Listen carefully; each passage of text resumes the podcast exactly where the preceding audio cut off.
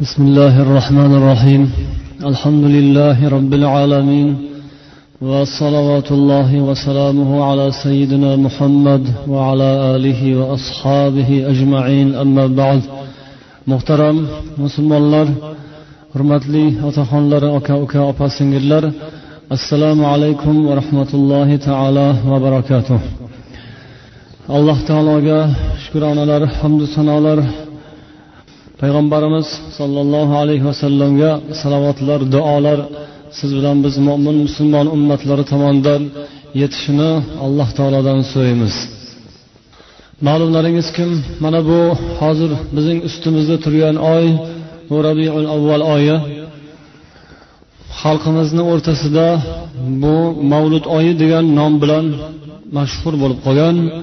Aslida shar'iy jihatdan buni mavlud oyi deb yuritilmasa hamki kitoblarda masalan rasululloh zamonlarida yoki bo'lmasam sahobiy ikromlarni davrlarida bu rabiul avval oyini mavlud oyi deb atashgan bo'lmasa ham ammo keyingi vaqtlarda shu oyda payg'ambarimiz muhammad sollallohu alayhi vasallam tavallud topgan oylar bo'lgani uchun xalq uni mavlud oyi deb atashga odatlanib qolgan va shu oyda payg'ambarimiz sollallohu alayhi vasallam rabiul avval oyining bir rivoyatda to'qqizinchi bir rivoyatda o'n ikkinchi kunida dushanba kunida tavallud topganlari e'tibori bilan bu oyni mavlud oyi deb atab olishganlar. Va ana shu kunlar yaqinlashgan paytida o'zlarini rasululloh sollallohu alayhi vasallamga ehtiromlari muhabbatlari e, ifodasi deb mavlud o'qish odat bo'lgan. Ammo bu narsa payg'ambar alayhissalom davrlarida bo'lmagan. Hazrati sahobiy kiromlar ulug' ashoblar rasulullohni eng yaxshi ko'rgan kishilari zamonlarida bu odat ko'rilmagan.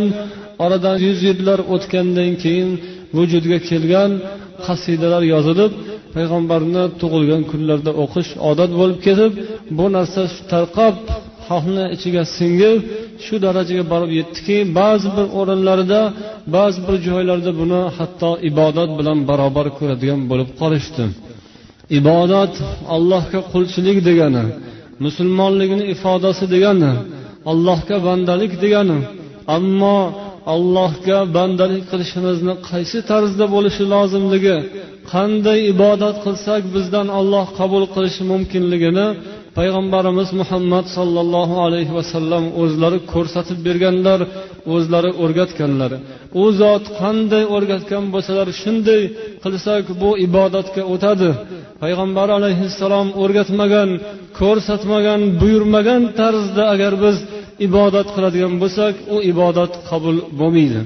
Ertalabki bomdod namozini masalan deylik savobi ko'proq bo'lsin deb to'rt rakat emas besh rakat o'qisangiz peshin namozida masalan to'rt rakat farz bor olti rakat qilib o'qisangiz nima bo'ladi? Juma mana ikki rakat farz. Buni siz savobi ko'proq bo'lsin deb uch rakat qilib yoki besh rakat qilib o'qisangiz nima bo'ladi? Bandam ko'proq harakat qildi. Namozni rakatlarini ko'paytirib yubordi. Shuning uchun bunga savobni ko'proq beraylik demaydi alloh taolo. Balkim biz aytgancha ibodat qilmadi. Bizni chegaramizdan chiqdi. Bizni aytgan qo'ygan haddimizdan hududimizdan bu banda oshib ketdi deb qilgan ibodatlarini alloh taolo rad etadi. Payg'ambar alayhissalotu vassalom shuning uchun ham hadis muboraklarida man ahdasa fi amrina hada fahuva raddun deganlar. Kimki bu bizning ishimizda islom yo'lida biron bir narsani paydo qilsa yangilik paydo qiladigan bo'lsa u marduddir uni rad etiladi qabul qilinmaydi deganlar. Mana shu man ahdasa fi amrina hada hadisidan islom dinidan deb turib yangilik qilinadigan bo'lsa bu rad etilishi kelib chiqadi. Ammo mana bu dunyoviy asbobi uskunalar mana bu mikrofon bo'lsin yoki bu chiroq bo'lsin boshqa asbobi uskunalar bu ham payg'ambarimiz sollallohu alayhi vasallam zamonlarida bo'lmagan. Ammo bu rasulullohni antum alamu bi umuri dunyakum degan bir hadislarida bu dunyoviy ishlaringizni sizlar biladiganroqsizlar bu narsa sizlarga bemalol degan ruxsatlari bor balkim bu savobli ishlar odamlarni musulmonlarni hayotini yengillashtirish farovonchilikka xizmat qilish uchun bunday asbobi uskunalar taraqqiyot deyiladi. Bu narsaga islomda keng yo'l ochilgan. Har qancha rivojlantirsangiz bo'ladi. Ammo dinni takomillashtirishga ehtiyoj yo'q. Alloh taolo o'zi dinni mukammal qilib rasululloh orqali hech bir narsaga kamchiligi muhtojligi yo'q qilib berilgan dinga hech narsa qo'shishga yoki undan biron bir narsani ayirib qolishga ajratib olishga bizni haqqimiz yo'q. Qanday o'rgatilgan bo'lsa shunday qilishimiz kerak bo'ladi. Shu ma'nolarni esimizga olgan vaqtimizda mavlud marosimiga juda ham qattiq berilib ketish odamlar bir to'y qilsalar ham mavlud birov o'lib qolsa ham mavlud birov tug'ilsa ham mavlud bu mavlud degani nima?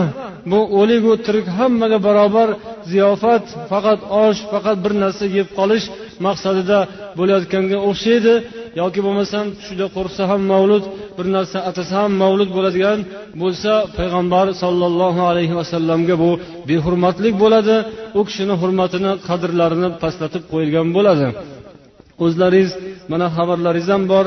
Yaqin yaqin kunlargacha yil o'n ikki oy davomida mavlud o'qilaverardi. To'xtamasdan mavlud o'qiladigan paytlar ham bo'lgan. Bir narsa desangiz odamlar qabul qilishmasdi. Endi sekin sekin bu faqatgina mavlud oyigagina to'planib qoldi. Bizni taklifimiz shunday bo'lardiki xonadonlarda uylarda mavlud qilamiz deb ovoragarchilik qilmaslik kerak.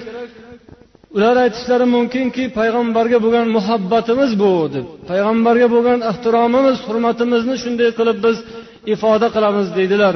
Lokin rasululloh sollallohu alayhi vasallamni hurmat qilgan odamlar boshqacha bo'lishi kerak. Payg'ambarni hurmat qilaman degan odamni uyida oilasi xotin bola chaqalari namoz o'qiydi. Xotinlari yarim yalang'och yurmaydi. Qizlarini boshi ochiq qo'ltiqlari ochiq ko'kraklari ochiq oyoqlari sonlarigacha ochilib yuradi. Ko'p o'sha mavlud qilaman deb xarxasha qiladigan odamlar agar aytsalarki biz rasulullohga muhabbatimizdan qilyapmiz desalar bekorlarni aytadilar. O'shalarni bunday olib qarasangiz ulardan har qancha kamchilik topsangiz bo'ladi. Rasululloh sollallohu alayhi vasallamni yaxshi ko'rgan odam u kishining sunnatlariga yuz foiz amal qiladi. Payg'ambar sollallohu alayhi vasallam o'rgatgan duolarni mana biz bir necha jumalardan buyog'ida sizlarga aytyapmiz. Buni payg'ambar o'qiganlar o'rgatganlar rasulullohni yaxshi ko'raman degan odam nega rasululloh o'rgatgan duolarni hammasini yoddan bilmaydi? O'sha mavludni barzanjiy yozgan mavludni u kishini xudo rahmat qilsin. Alloh taolo u kishiga o'zini rahmatini bersin niyatlari yaxshi niyat bo'lib odamlar ibodat qilmasin buni degan maqsadda emas balkim o'zlarini ichlaridan chiqarib u kishi rasulullohni ehtirom qilib yuraklaridan bir qasida she'r yozgan bo'lsalar u kishiga savob bo'laveradi.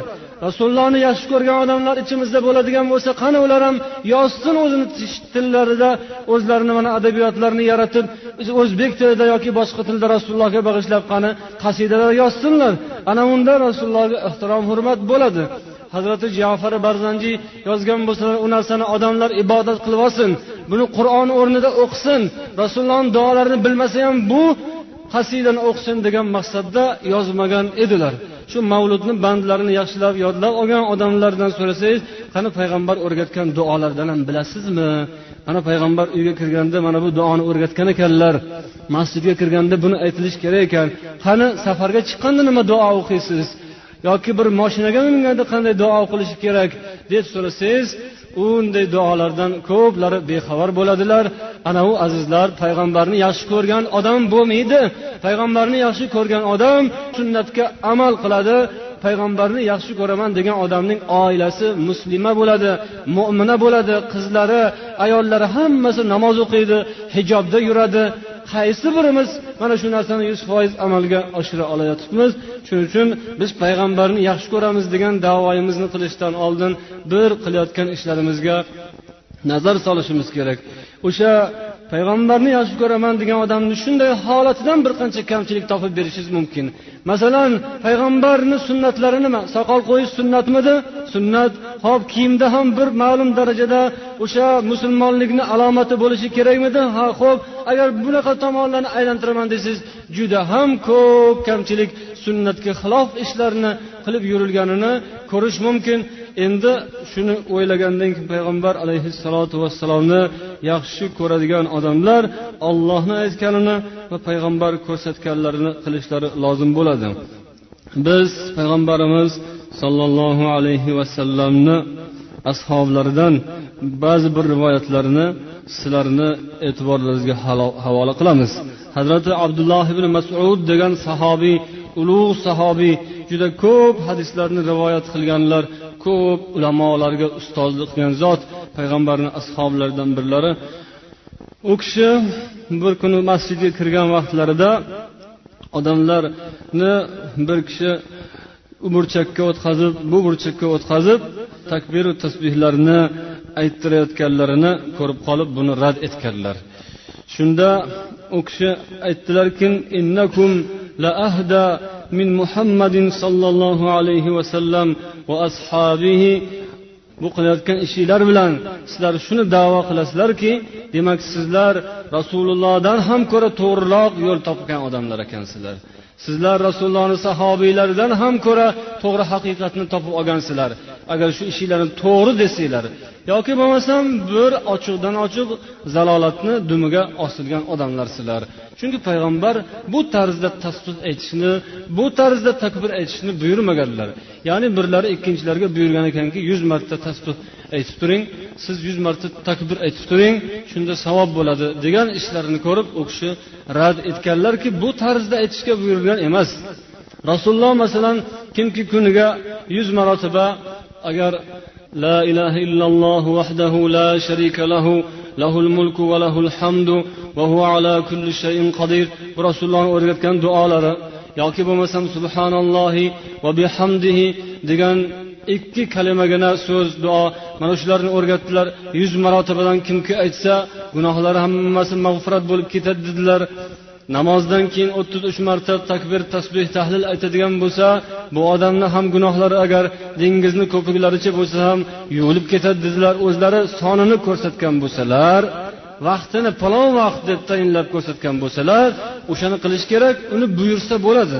Palon vaqtda shuncha aytishing kerak deb rasululloh buyurmagan bo'lsalar shuni qilishimiz kerak qilmasak bo'lmaydi deyishlik bu zalolat bo'lib qoladi ekan hazrati amir ibn abdulloh ibn zubayr degan kishi rivoyat qiladilarki bir kun otamni huzurlariga kechroq qolib boruvdim u kishi so'radilar ayna kunta qayerda eding deb فقلت وجدت أقواما ما رأيت خيرا منه يذكرون الله تعالى فيرعد أحدهم حتى يغشى عليه من خشية الله تعالى فقعدت معهم dedilar man bir odamlarni ko'rdim unaqa yaxshi odamlarni ko'rmagandim juda ham bir yaxshi odamlarni topib oldim nimasi yaxshi ekan u odamlar alloh taoloni zikrini qilishayotgan ekan ollohni zikrini shu darajada qilishyaptiki ularni ichidan ba'zisi shu darajada bir titroq tutib iztirobga tushib o'zidan ketib qolyapti. Behish bo'lib o'zini tashlab yuborayotgan odamlarni ko'rdim ollohni zikriga shunday berilgan judayam yaxshi odamlar ekan o'sha yerda o'tirdim birgalashib dedilar. Shundan keyin otalari aytdilarki bundan keyin ikkinchi ular bilan birga o'tirmagin deb otalari rad etdilar. Shunda aytadilarki bu gap menga hayratga soldi meni. taajjub qildim bu qanday gap ollohni zikrini qilib turgan odamlar olloh deb turib behush bo'lib o'zini tashlab olayotgan odamlar bilan birga o'tirmagin deyaptilar otam bu nima uchun bunday deyaptilar deb hayron bo'lib turganimni ko'rib u kishi aytdilarki رأيت رسول الله صلى الله عليه وسلم يتلو القرآن ورأيت أبا بكر وعمر رضي الله عنهما يتلوان القرآن فلا يصيبهم هذا أفتراهم أخشع لله تعالى من أبي بكر وعمر u kishi aytdilarki man rasululloh sollallohu alayhi vasallamni ko'rdim qur'on o'qiganlarini va hazrati abu bakr siddiq va umar roziyallohu anhularni ko'rdim ular tilovat qilganlarini ammo ularni tilovat qilganlarida qur'on o'qiganlarida demak allohni zikr qilganlarida birontalarida bunaqa holat ko'rmadim ularga bunaqangi narsa yetmadi behush bo'lib dod deb o'zlarini tashlab yuborishmadiyu?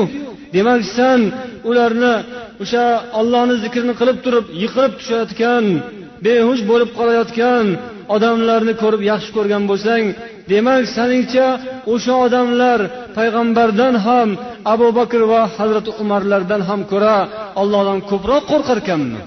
Ular ollohga ko'proq yaqin ekanmi demak?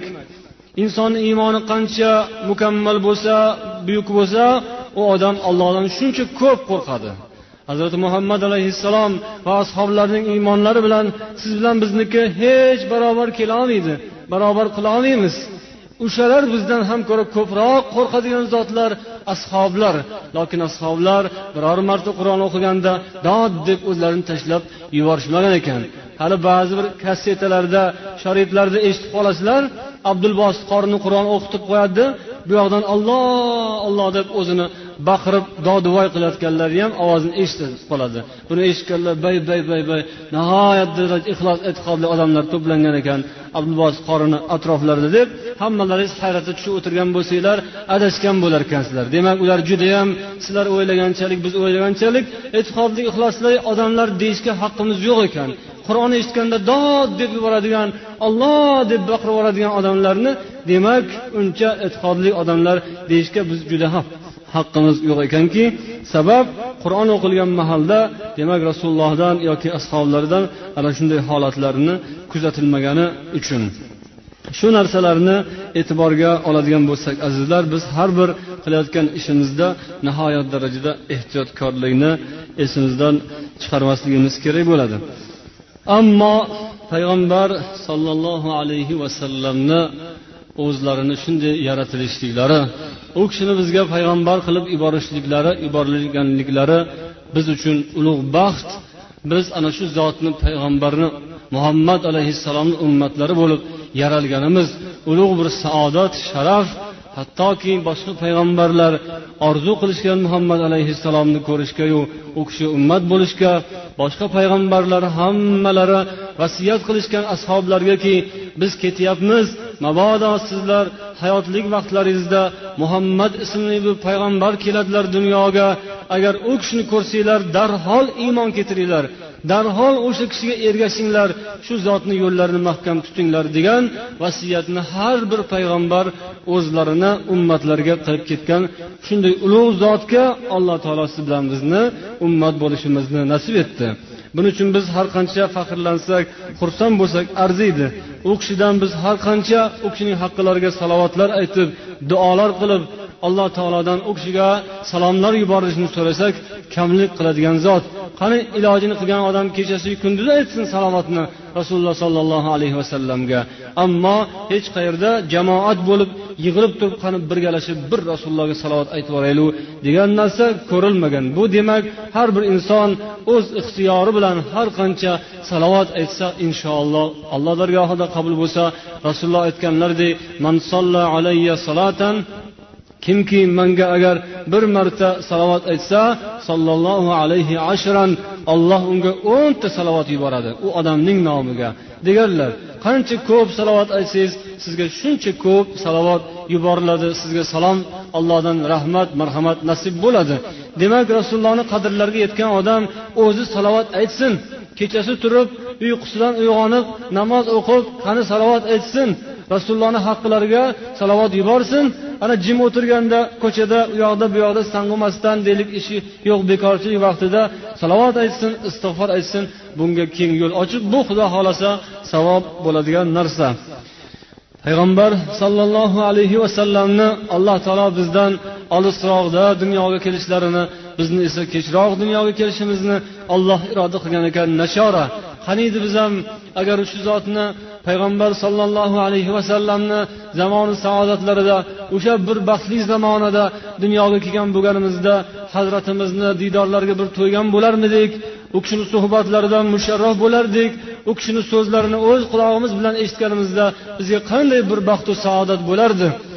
U kishini ko'rganlar payg'ambar sollallohu alayhi vasallamga ashob bo'lgan u kishiga do'st bo'lgan u kishiga yo'ldosh bo'lgan u kishiga shogird bo'lgan u kishini darslarini ta'limlarini olgan qur'oni karimni tilovatini u zotni o'z og'izlaridan eshitishga musharraf bo'lganlar nihoyat darajada baxtli odamlar. Biz ularga havas qilamiz. Va alloh taolodan umid etamizki biz bu dunyoda rasululloh hazratlarini diydorlariga to'yolmadik biz u kishini ko'rolmadik endi allohdan so'raymiz ilohim parvardigoro bizni qiyomat maydonida rasululloh sollallohu alayhi vasallamni yaqinlaridan alloh bizga joy bersin. Biz mana bu dunyoda payg'ambar alayhissalotu vassalomdan uzoqroqda tug'ilishga u yurtlardan u muqaddas dargohlardan olisda bo'lishga qismatimiz shu ekan biz allohdan rozimiz. Rozimiz bu dunyo vaqtincha dunyo yaqinda o'tar ketar ammo eng asosiysi bu qiyomatda bo'ladi. Allohdan so'raymiz ilohim qiyomatda bizni rasululloh sollallohu alayhi vasallamdan parvardigoro uzoq qilmagin. U kishini parvardigorim u kishini yaqinlaridan bosh ko'tarib qo'llaridan havzi kavsar suvini ichishga parvardigor hammamizni nasib etsin. Jannatda u kishini parvardigor diydorlariga allohni o'zini diydoriga payg'ambar suhbatlariga o'zi nasib aylasin. Ashobi ikromlar rasulullohni qadrlariga juda ham yetganlar. Rasulullohni qadrlariga yetib u kishini nihoyat darajada hurmatu ehtirom qilganlar ana shu haqdagi hadislardan sizlarni e'tiborlaringizga ba'zi birlarini havola qilamiz. Biz mana shu orqali payg'ambar alayhissalotu vassalomni ya'ni ashoblar qanday hurmat qilishgan ehtirom qilishganlarini bilsak shoyatki u kishini u kishiga bo'lgan muhabbatimiz yana ham ziyoda bo'lsa bizning qalbimizda. Hazrati imom muslim roziyallohu anhu o'zlarini hadislarida rivoyat qilganlarki payg'ambarimiz sollallohu alayhi vasallam huzurlarida ashoblar yig'ilishib turardilar كان رسول الله صلى الله عليه وسلم إذا صلى الغداة جاء خدم المدينة بآنيتهم فيها الماء payg'ambar alayhissalotu vassalom har kuni namoz o'qib bo'lganlaridan keyin madinaliklar kelardilar xizmatchilari o'zlarini idishlarida. Idishlarini ichida suv bo'lardi. Payg'ambar alayhissalom hamma idishlarga qo'llarini tiqib shunday u suvlarni tabarruk qilib berardilar. Rasulullohni qo'llari tekkan suv tabarruk deb hammalari idishlarni ko'tarib kelardilar kim muborak qo'llarini shunga tiqib shuni suvni muborak bo'lishiga sabab bo'lsinlar uchun. Yana hazrati anas roziyallohu anhu aytadilarki laqad raaytu rasululloh sollallohu alayhi vasallam val hallaqu yahluquhu va payg'ambar alayhissalotu vassalomni ko'rdimki deydilar. Sartarosh u kishini sochlarini olayotgan edi. Atroflarida esa ashoblar o'ralib turgan edilar. Biron bir dona sochlari bir dona tuklari yerga tushishiga ular yo'l qo'yishmas edi. Hammalari atroflarini o'rab olishib bir dona tuklari ham yerga tushmasin deb talashib tortishib talashib qo'llaridan qo'llaridan olib olishardi. Rasulullohni ular mana shunday qadrlariga yetib hurmat qilishardi. Ular rasulullohni shunday bir tabarruklashardi va bunga ularning haqqilari bor edi. Rasululloh sollallohu alayhi vasallamga mana shunday muomala mana shunday munosabat bu joiz. Payg'ambar alayhissalomni alloh mana shunday ulug' qilib mana shunday azizu mukarram qilib yaratgan ekan. Hattoki bir kuni payg'ambar alayhissalotu vassalom bir muslima ayolni xonadonida dam olgan vaqtlarida u kishi uyqudan uyg'onib ketganlaridan keyin terlari oqqan ko'rpa terlari oqqan to'shakni ular olib borib suvda yuvib o'shani suvini bir idishga siqib olib shunday tabarruk qilishgan. Yana sahobiylardan birlari ham vafot etayotgan mahallarida o'zlarini atroflaridagilarga vasiyat qildilarki falon idishda man rasululloh sollallohu alayhi vasallamni terlarini shu falon shishaga to'plab olib qo'yganman. O'shani meni olib ketayotgan vaqtlaringizda kafanimga surtinglar meni tobutimga o'shandan surtinglar deb vasiyat qilganlar. Yana bir kun hazrati rasululloh sollallohu alayhi vasallam huzurlariga bir odam kelib u kishiga bir to'n hadya qildi. O'sha kunlarda rasulullohni to'nlari yo'q bir to'nga muhtoj bo'lib turgan vaqtlari ekan. Shu to'nni ularni oldida kiydilar. Hammalari xursand bo'lishdi. Aytdilarki ichlaridan bir sahobiy o'rinlaridan turib aytdilarki bay bay bay yo rasululloh ma ahsana hazihi? dedilar. Judayam bir chiroyli kiyim bo'ldi sizga nihoyat darajada yarashib tushdi deb turib faksiniha yo rasululloh shu sizga judayam yarashdi shu to'ningizni manga kiydirsangizchi? deb qoldilar. Hamma sahobiylar hayron bo'lishdi. Bu qanday gap?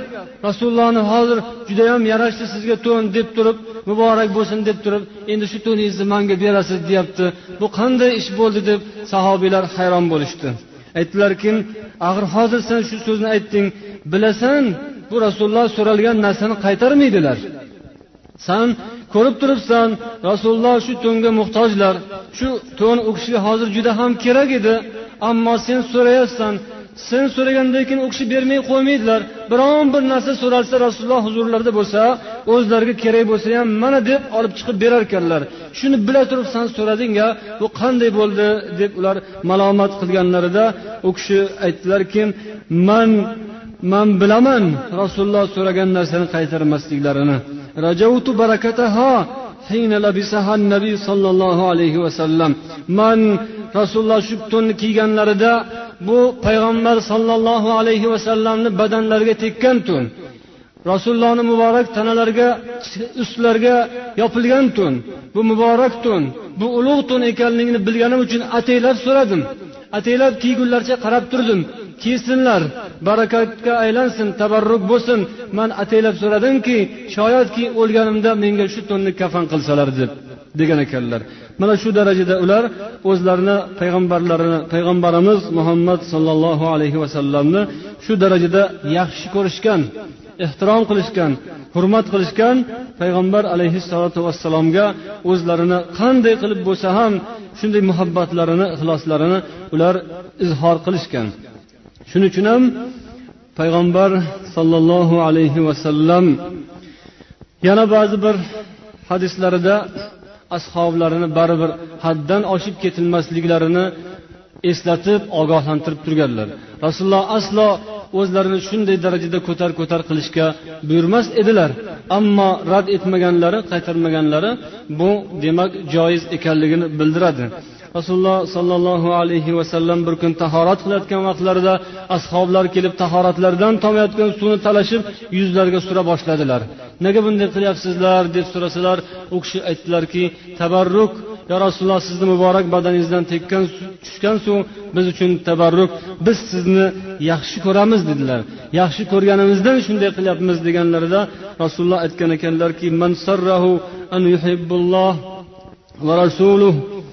أو يحبه الله من سره أن يحب الله ورسوله أو يحبه الله ورسوله فليصدق حديثه إذا حدث وليؤدي أمانته إذا اؤتمن وليحسن جوار من جاوره kimki agar meni yaxshi ko'rsa dedilar agar yaxshi ko'rganlaringizdan shunday ishni qilayotgan bo'lsangiz kimki meni yaxshi ko'rsa u rost so'ylasin kimki meni yaxshi ko'rsa yoki olloh uni yaxshi ko'rishini men ham uni yaxshi ko'rishimni xohlasam xohlasa u omonat qo'yilgan bo'lsa omonatni joyiga ado qilsin u omonatga xiyonat qilmasin qo'shnilarga birga yurgan birga turgan qo'ni qo'shnilariga yaqinlarga yaxshilik qilsin deb nasihat qildilar. Demak rasululloh sollallohu alayhi vasallamni yaxshi ko'rish mana payg'ambar aytganlaridek u kishini sunnatlariga u kishining ravishlariga amal qilish bilan bo'lar ekan. Demak payg'ambar alayhissalotu vassalomdan bizga vorid bo'lgan duolarni o'qisak u kishi o'qigan narsalarni o'qisak va payg'ambar alayhissalotu vassalom zamonlarida o'qilgan duolarni yoki boshqa narsalarni o'qisak biz xudo xohlasa rasulullohni yaxshi ko'rgan bo'lamiz. Payg'ambarni yaxshi ko'ramiz desak inshaalloh yolg'on bo'lmaydi. Alloh hammamizga alloh va rasulini muhabbatini nasib ro'za aylasin. Xabarlaringiz bor. Payg'ambar sollallohu alayhi vasallamni madina ahli qanday kutib olganlar? Ular payg'ambar sollallohu alayhi vasallam oldilariga besh yuz kilometrlik joyga makkaga borib shu yerdan ko'chib o'zlarini yurtlariga olib ketish uchun yalinib yolvorib bizga boring yo rasululloh biz sizni o'sha shaharda biz sizni himoya qilaylik islomni shu madinadan turib rivojlantiraylik deb payg'ambar sollallohu alayhi vasallamni yaxshi ko'rganlaridan o'zlari vatanlariga madinaga ko'chirib olib ketganlar. Va rasulullohni bir necha kun davomida qachon kelarkinlar deb shahardan tashqariga chiqib ko'zlari to'rt bo'lib ashoblar xotin xalaju bolalaru chollari hammalari rasulullohni yo'llariga muntazir bo'lib bir necha kun davomida kutganlar va oxirida payg'ambar sollallohu alayhi vasallamni qoralarini uzoqdan ko'rganlaridan keyin ular xursandlikdan o'sha yerda bir qancha g'azallarni o'qiganlar. O'sha yerda bir qancha qo'shiqlarni o'qiganlar. Rasululloh sollallohu alayhi vasallamni ko'rib xursand bo'lganlaridan. Alloh taolo hammamizni payg'ambar sollallohu alayhi vasallamni ravishlaridan u kishi ko'rsatgan yo'llaridan yurishimizni o'zi nasibi ro'za aylasin. Payg'ambar sollallohu alayhi vasallamni yaxshi ko'rish u kishiga muhabbatini izhor qilish albatta qandaydir bir so'zni faqatgina o'qib qo'yish bilangina emas balki amalda hayotda mana bu umrimizda to jonimiz omonatimiz bizdan ayrilgunga qadar qo'limizdan kelgancha rasulullohning sunnatlariga olloh buyurgan yo'l yo'riqlarga amal qilish bilan inshaalloh ifoda etiladi. Shuning uchun ham azizlar biz mana shu bilan kifoyalanishimiz bu to'g'ri deb hisoblaymiz. Mana shu bilan biz rasululloh sollallohu alayhi vasallamni tug'ilganlarini bir eslab o'tgan bo'ldik. Endi mana bu yerda bizni qo'limizga ba'zi bir opalarimiz singillarimizdan berilgan maktublar ham bor edi. Ular bugungi kundagi yana bir muammoli masala bir necha marotaba ilgari ham eslab o'tganimiz bir achinarli mavzu ya'ni maktablarda ba'zi bir o'quv yurtlarida ustozlar tomonlaridan ba'zi o'qituvchilar tomonlaridan qizlarimizga singillarimizga hatto opalarimizga bo'layotgan tazyiqlardan kuyinib o'zlarini dardlarini qanday kimga aytishni bilmasdan majbur bo'lib bizga yozganlari bo'lganlar. Bu yerda biz ilgari ham aytib o'tgan edikki agar sizlar maktablaringizni nomerlarini raqamlarini yozmasanglar ism familiyalaringizni oilalaringizni ismini yozmasanglar unda bizga yozgan bu xatlaringizni o'qimaymiz keragi yo'q foydasi yo'q degan edik. Mana bu qo'ldagi maktubda esa qoraqamishdagi bir yuz o'ttiz to'rtinchi maktabdan yozilgan bu maktub turibdi. Bunda bir nechta singillarimiz imzolarini qo'yganlar oq ro'mol o'ragan qizlarni maktabga kirgizishmayotganligi haqida. Ya'ni maktabni direktorlari juda ham bir qattiq turib ularga tazyiq ko'rsatayotgan ekanlar. Mana shunday musulmon libosi bilan o'zini milliy libosi bilan yurishga o'qishga ular yo'l qo'ymayotgan ekanlar. Demak insonni kiyimi insonning e'tiqodi uning dini uni aqidasi insonni agar ilm olishdan yoki mehnat qilishdan to'sadigan bo'lsa bu qaysi bir jamiyatda bo'layotgan bo'lsa o'sha jamiyat adolatsiz jamiyat u nohaq jamiyat bo'ladi. Chunki inson qanday kiyim kiyadi inson qayerda ishlaydi bu o'zini ixtiyori bo'lishi kerak. Qayerda qaysi maktabda o'qiydi bu ham ixtiyor bo'lishi kerak. Ammo xohlagan maktabingizda o'qitmasa xohlagan kiyimingizni kiygazmasa xohlagan yeringizda o'zingizni mutaxassisligingiz bo'yicha ishlashga qo'ymasa bu borib turgan adolatsizlik bu zulm bo'ladi. Bunaqangi ishlarni qilib turgan odamlar yana din erkinligi demasin yana bizda hamma musulmonlar ozod demasin yana bizda insonlar o'zini erki qo'lida e'tiqodi ixtiyorli bular ozod xohlagancha ibodat qilishi mumkin degan so'zlarni aytsa u yolg'on bo'ladi. Shuning uchun biz ana shunday odamlarni tashvishga solayotgan ayniqsa bugungi kunda atrofda juda ham bir og'ir vaziyatlar davom etayotgan bir tomoni afg'onistonda yana bir tomon tojikistonda har xil hodisa voqealar bo'lib turgan bir paytda qaysi bir ho u o'qituvchi bo'lsin ho rayononi xodimi bo'lsin ho oblano bo'lsin ho boshqa bo'ladigan bo'lsin undan kattarog'i bo'lsin ho ta'lim vazirligida bo'lsin qaysi bir odam bo'lsa ham agar masalani mana shu tarzda shunday bir nodonlarcha shunday bir johillarcha hal qilmoqchi bo'layotgan bo'lsa aytamizki adashibsiz deymiz. Bu siyosatda yo'l qo'ygan xatoyingiz bo'ladi deymiz. Ayniqsa hozirgi kunda xalqqa bizga hammamizga tinchlik kerakmi yo kerak emasmi? Kerak a osoyishtalik kerak. Yoki bizga tinchlik kerak bo'lgan tinchlik o'qituvchilarga kerak emasmi? Ustozlarga demak janjal to'polon kerak. Xalqni g'azabini kimdir zakaz berib buyurtma berib qaynatish kerak bo'layotgan bo'lsa aytgan bo'lsa kerak kim san uni qizini boshidan ro'molini tortib olgin de keyin ularni g'azabi keladi achchig'i chiqadide ular lekin to'polon qilsa biz ularni bir narsa qilamiz. Xullasi kalom qirg'izistonda qanday qilib urush chiqarilgan bo'lsa turklar bilan o'zbeklarni qanday qilib urushtirib qo'ygan bo'lsa o'sha ssenariy yozganlar o'sha mualliflar o'sha avtorlar bu ishni ham balkim qilayotgan bo'lsa u mahalda yaxshiroq o'ylashga chaqiramiz. Faqat aqlni tafakkurni ishga solsinlar deymizki bu xatarli yo'lga qadam bosmasinlar.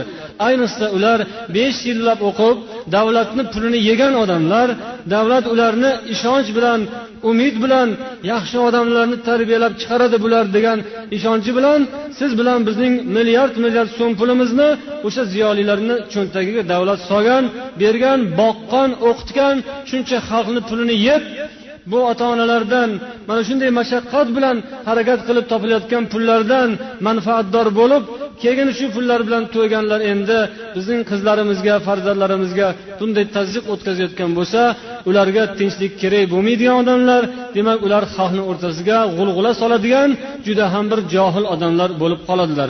Shuning uchun biz ularni insofga chaqiramiz. bir yuz o'ttiz to'rtinchi maktabdan mana yozilgan xat bu birgina xat emas.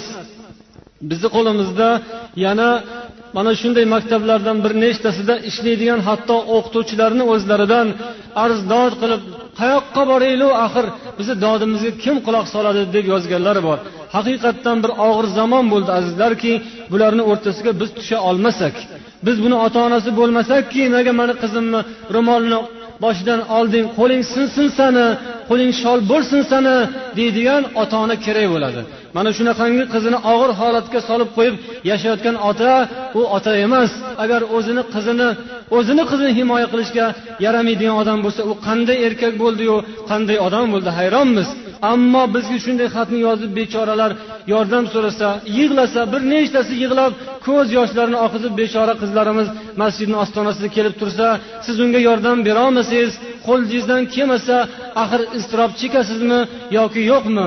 Shuning uchun ota bo'lgandan keyin ona bo'lgandan keyin o'zini qizini o'zi himoya qilib olsinda alloh taolo unga nima uchun bergan bu hayotni?